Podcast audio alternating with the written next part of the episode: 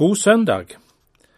I åpenbaringstida så møter vi bibeltekster som taler om hvem Jesus er, og vi får svar på spørsmålet hvorfor han kom. Og evangelieteksten i dag på andre søndag i åpenbaringstida sier at han kom for å bære bort verdens synd. Vi leser fra Johannes evangeliet kapittel 1 og vers 29. Dagen etter ser han Jesus komme gående mot seg, og han sier, Se Guds lam som bærer bort verdens synd.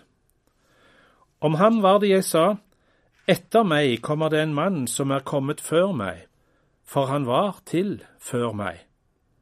Jeg kjente ham ikke, men for at han skulle bli åpenbart for Israel, er jeg kommet og døper med vann.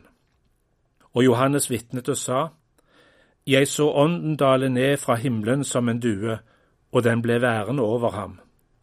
Jeg kjente ham ikke, men han som sendte meg for å døpe med vann, sa til meg, Ham du ser ånden dale ned over og bli hos, han er det som døper med Den hellige ånd. Jeg har sett det, og jeg har vitnet. Han er Guds sønn. Vi bruker av og til uttrykket at det henger noe ved en person. Det kan brukes både positivt og negativt. Og ofte så assosierer vi en person med et ord eller et uttrykk. Jesus hadde et slikt ord hengende ved seg. Det var Gud som satte det på han. Det er som vi av og til gjorde på skolen når vi var små vi greide å henge en lapp på ryggen til noen. Spark meg bak, sto det kanskje, eller så skrev vi noe stygt som en ville si om vedkommende. Det var en ufin lek. På lappen Gud hengte på Jesus, står ordet synd. Han ble gjort til synd for oss. Dette traurige ordet synd vi har vanskelig for å forholde oss til det. Det bærer så mye negativt med seg. Det er blitt misbrukt. Det er blitt brukt til å fordømme folk. Det er blitt brukt for å legge unødige byrder på noen. Det er blitt brukt som en gledesdreper. Og det er blitt brukt for å skremme folk. Det er dette ordet synd som henger ved Jesus. Når han trer inn i historien, så blir han altså presentert som Guds lam som bærer bort verdens synd. Hva er da synd? Jo, brudd på Guds gode bud. Du skal, du skal ikke. Oppsummert i dette budet du skal elske Herren din Gud av hele ditt hjerte, av hele din sjel og av all din forstand, og de neste som deg selv. Og vi kan jo innrømme våre brudd på disse budene, men hva så? Og i stedet for anger og bot, så trekker vi bare på skuldrene og sier ja, men hva er problemet? Dagens tekster forteller at vår synd er et problem, og vår synd skaper problemer. Ja, synden er sjølve problemet. Den er grunnen til alle andre problem og vansker. Og i den ytterste konsekvens så er følgen at jeg må dø på grunn av synden. Syndens lønn er døden. Houston, we have a problem. Det hørtes plutselig fra verdensrommet fra romferga. Ingen tvil om at det var alvorlig. Vi har et stort problem. Den grunnleggende livsstrøm i univers og skapning er kjærlighet. Gud elsker. Gud trenger noen å elske. Vi elsker, og vi trenger noen å elske. Vi lever ved kjærligheten. Synd, brudd på Guds gode vilje for oss og våre liv, ødelegger kjærlighetens livsstrøm mellom oss mennesker og mellom oss og Gud. Vår retning i livet skulle være kjærligheten mot Gud og våre medmennesker. Men eh, vi vendte oss hver til vår vei, tok valg som ødelegger forhold til Gud og til mennesker, og satte vår egoisme og oss sjøl i sentrum. I vår uvitenhet, ja, bevisst eller ubevisst, gjorde vi ting som skada vår neste og ødela vårt forhold til Gud synd som tetter igjen de kanalene til Gud, der kjærligheten skulle løpe fritt fram og tilbake.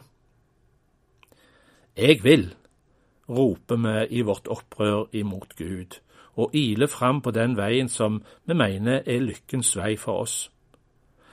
Jeg vil gjøre det jeg mener er rett, uten å spørre om hva Gud mener. Vår rettesnor i livet blir hva jeg og andre mener er rett, eller kanskje hva et politisk flertall mener er rett. Og så trør vi feil. Vi glemte Guds klare veiledning for et godt og rett liv. I vårt opprør vil vi ikke bøye oss under budene og ordet. Guds ord beskriver det moderne menneskets opprør på en utrolig klar måte allerede i Det gamle testamentet. I Salme to spør salmisten Hvorfor er folkeslaget i opprør? Hvorfor grunner folkene på det som er forgjeves? Jordens konger reiser seg, fyrstene slår seg sammen mot Herren og mot Hans salvede. La oss slite i stykker lenkene og kaste reipene deres av oss. Han som troner i himmelen, ler. Herren spotter dem. La oss riste av oss Guds åk og Jesu åk, og vende oss bort fra det som Guds ord lærer. Slik ropes det over en lav sko. Lykken, den skal være å leve slik en vil, slik det passer meg. Ingen skal fortelle meg hva som er rett eller galt, sies det. Og så er det så vanskelig å innrømme at mi synd og mine handlinger ødelegger for andre. Mine handlinger ødelegger mitt forhold til andre mennesker og til Gud. Jo, mi synd, verdens synd, er et problem for meg og for samfunnet.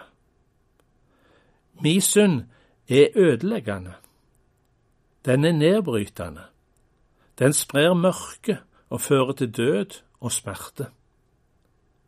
Derfor kom Jesus. Derfor minnes vi i dag Jesu dåp. Jesus ble døpt fordi Gud ville gjøre noe med vår synd og følgene av den. Og måten han gjorde det på, var rett og slett at han tok synda vekk. Han la den på Jesus. Han satte en merkelapp på Jesus som var vårt skyldbrev.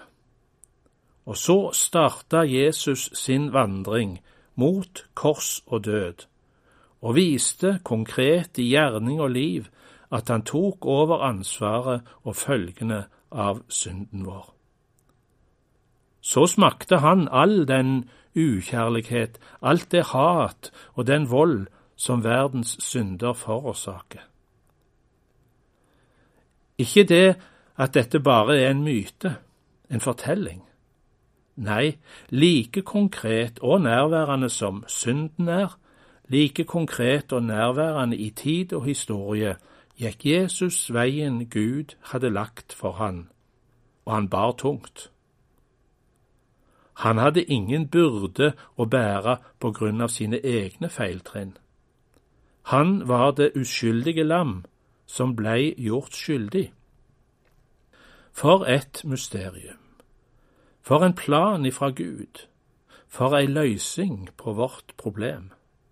Løysningen er altså Guds lam som bærer bort verdens synd. Det står bærer. Ja, han hadde en jobb å gjøre. Det var et arbeid, en oppgave som venta på han. Det starta den dagen Jesus ble døpt og Ånden kom ned over han og ble værende over han. Det er Gud sjøl, ved Jesus og Den hellige ånd, som er til stede i verden for å rydde opp i problemet vårt. Det er altså ikke en ekstern konsulent som med sine gode råd og teorier sitter og gir instrukser over internett eller på andre medier hvordan problemet vårt skal løses. Nei, Gud går sjøl inn og gjør jobben.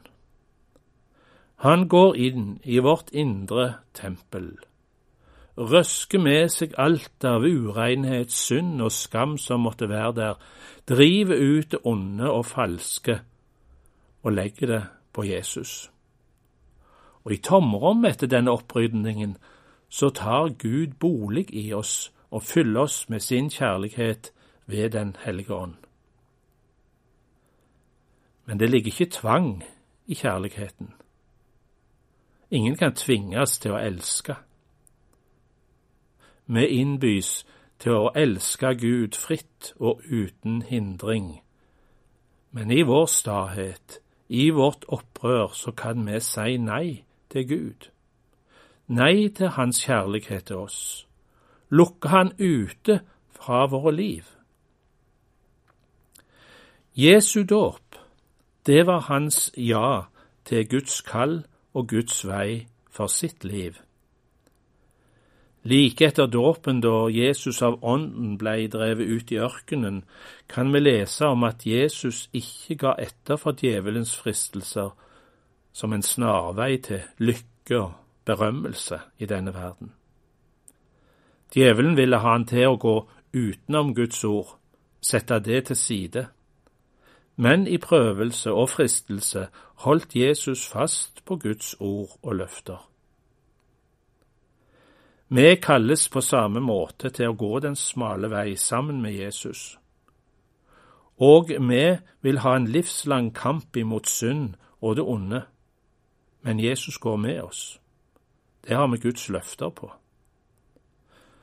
Følg meg, sier han, og ber oss velge kjærlighetens vei og ikke syndens vei.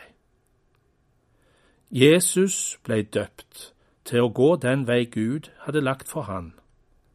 På samme måte blei vi en dag døpt til å gå Guds vei, den smale vei som fører til livet.